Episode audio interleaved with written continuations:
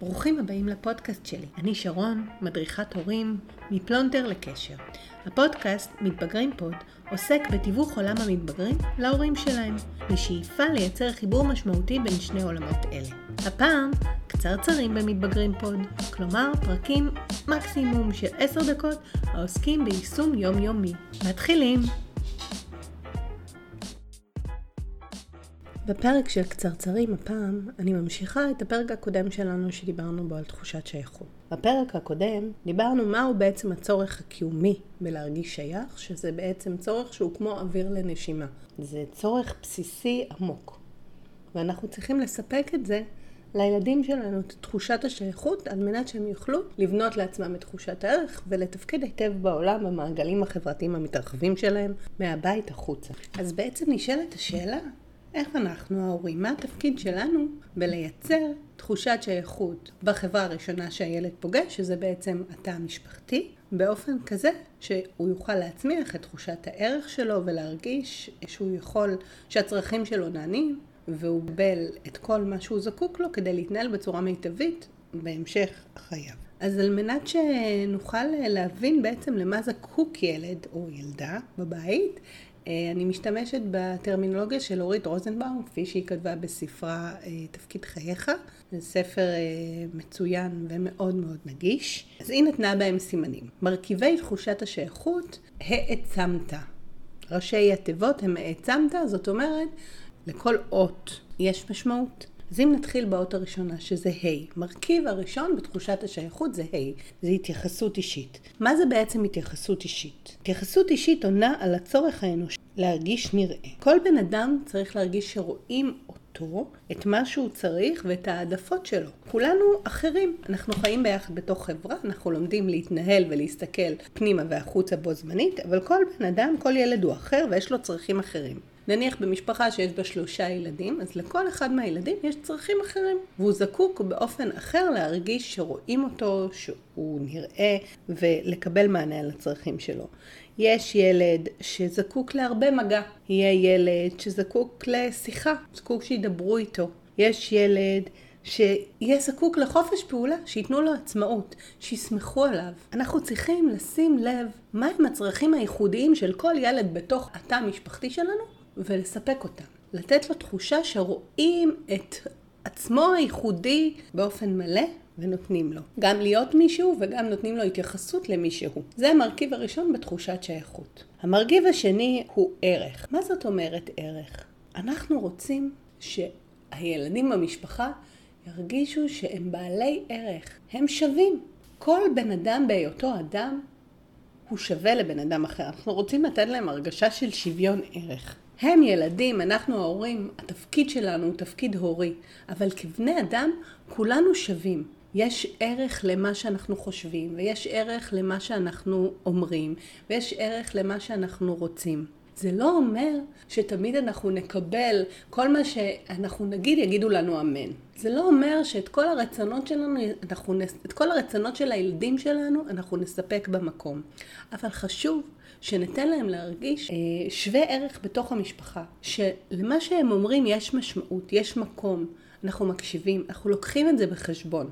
לא לכל דבר אנחנו ניתן מענה בדיוק כמו שהילד רוצה, אבל אנחנו ניתן על זה את הדעת. מהסיבה הפשוטה שכולנו חיים ביחד ולכולנו יש משמעות ושוויון בתוך המשפחה ואנחנו יכולים לדבר. ואז לכל אחד יש תפקיד. התפקיד ההורי מתוקף אה, היותו הורה, מתוקף זה שהוא יותר מבוגר ויש לו ניסיון חיים, מתוקף הסמכויות שיש לו כבעל תפקיד במשפחה, הוא מקבל את ההחלטות. אבל הוא לוקח בחשבון את מה שאנשים אחרים בתוך, הילדים בתוך המשפחה אומרים.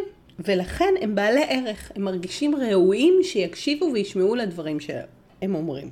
המרכיב השלישי בתוך תחושת שייכות זה צמיחה, גדילה והתפתחות. עכשיו זה נשמע לנו טבעי, אנחנו מגדלים ילדים, הם צריכים לגדול, הם צריכים להתפתח, הם צריכים ללמוד. התפקיד ההורי שלנו הוא לסייע להם לצמוח, לראות להראות מה יש להם, איזה חוזקות יש להם שמסייעות להם לצמוח, איך הם מתפתחים, להראות להם שלפני שנה הם היו במקום מסוים ועכשיו הם במקום אחר, אם זה מבחינה חברתית, אם זה מבחינת אה, בבית, איך הם הפכו להיות יותר משתפי פעולה, להראות להם איפה הם זכו להיות, לנסות קודם כל לתת להם עצמאות ככל שניתן.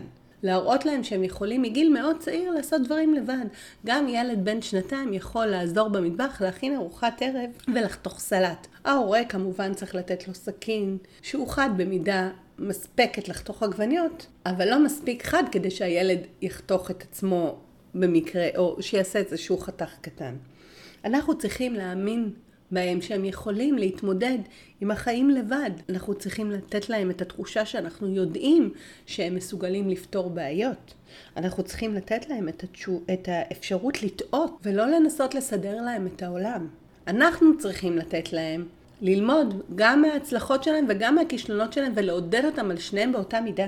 כי מה שחשוב זה הדרך שאנחנו עושים והצמיחה וההתפתחות. אף אחד לא יכול להתפתח או לצמוח אם הוא לא עושה טעויות, אם הוא לא לומד, אם הוא לא עושה את הדרך. אם אנחנו ננסה כל הזמן לרפד להם, זה כמו ההורה שמתקשר למורה במקום הילד שלו. או כמו ההורה שלוקח אחריות על דברים מסוימים במקום הילד שלו, אנחנו לא נותנים להם להתמודד עם העולם. וחלק מהרעיון של גדילה היא קודם כל להסתכל מה היכולות שלהם ו...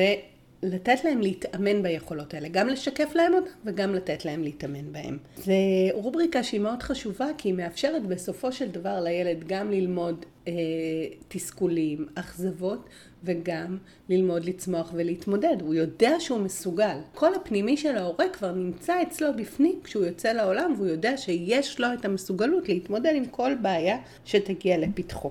והדבר הנוסף, הרביעי, זה משמעות אישית, שזה גם, כל הקטגוריות הן חשובות. משמעות אישית זה בעצם מה הטיקט של הילד. ליאור החיים שהתארחה אצלי בפודקאסט בפרק 21 קוראת לזה הכתר של הילד. איך אנחנו, איזה כתר אנחנו שמים על הראש של הילד.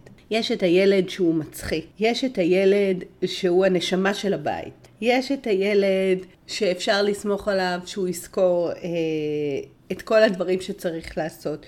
לכל ילד יש טיקט בבית, יש משהו שהוא טוב בו, הוא משמעותי. זה בעצם כמו, אם תיקחו, הבית הוא כמו פאזל, ולכל ילד הוא חתיכה בתוך הפאזל הזה, ואם החתיכה הזו לא קיימת, אז הפאזל הוא לא מושלם, הוא לא יכול להיות מושלם. מה המשמעות של הילד בהשלמת המארג המשפחתי? ואנחנו גם, התפקיד ההורי שלנו הוא לא רק לדעת מה משמעותי עבור הילד ומה משמעותי הילד בתוך הבית, אלא לשקף לו את זה. להגיד לו, הלכנו בלעדיך לסרט כי היה לך פעולה בצופים והיית מאוד חסר לנו, זה היה הרבה פחות מצחיק מבדרך כלל. נורא היה חסר לשמוע את הדעות שלך על הסרט הזה שראינו.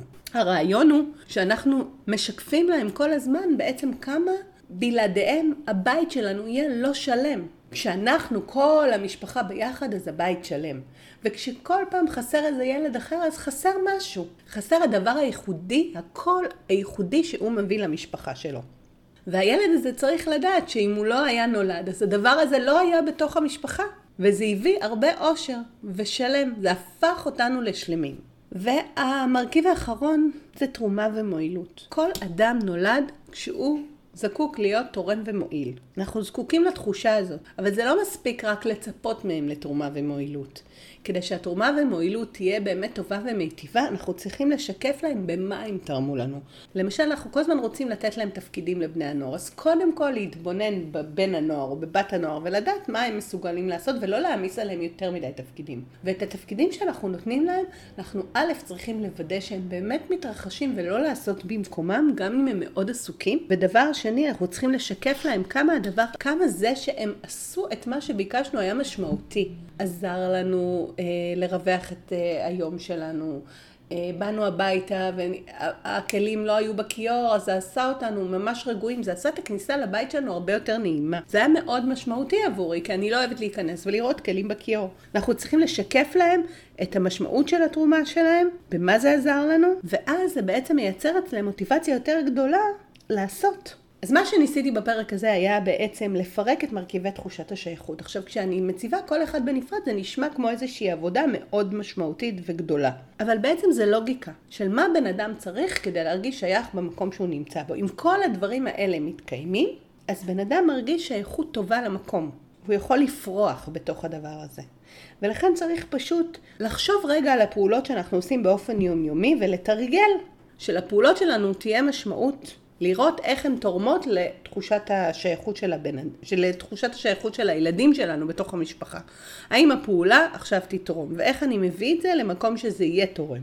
ככל שנתרגל את זה ביותר, זה הופך להיות אינטואיטיבי. זה חמישה מרכיבים שאנחנו מכניסים באופן קבוע בחיים שלנו. ואז יש תחושה של חיבור ושל שייכות, אהבה והרגשה שבעצם מה אנחנו צריכים שילד ירגיש? הוא צריך להרגיש אהוב, נחוץ ויכול. יכול להביא את עצמו כמו שהוא. וברגע שכל המרכיבים האלה מתרחשים והוא מקבל מענה על הצרכים הפסיכולוגיים האלה שלו, אז הוא מרגיש אני. ועם זה הוא יכול לצאת לעולם ולתפקד טוב יותר במעגלי חייו האחרים. אז תודה רבה שהאזנתם כרגיל. מי שמעוניין, אה, יש לי גלויה של מרכיבי תחושת השייכות, מוזמן לכתוב לי או בעמוד של הפודקאסט בפייסבוק, או בהודעה פרטית, או אה, במייל קום, בכל דרך שתרצו מפלונטר לקשר בעמוד המקצועי שלי, ואני מוזמנים, אני אשלח לכם את הגלויה הזאת כדי להניח אותה למקרר, ושזה כל הזמן יהיה מול הראש של, מול הפנים שלכם, כדי שזה יעורר את הזיכרון. אז אה, נשתמע בפרק הבא. ביי. תודה שהאזנתם. מוזמנים להירשם כמנויים לפודקאסט באפליקציות השונות. כך תקבלו התראה כשעולה פרק חדש. הרישום הוא חינמי. מוזמנים גם לבקר בדף הפודקאסט בפייסבוק, ליצור קשר בכל הערוצים. אשמח לשמוע מה חשבתם ולקחתם. ביי.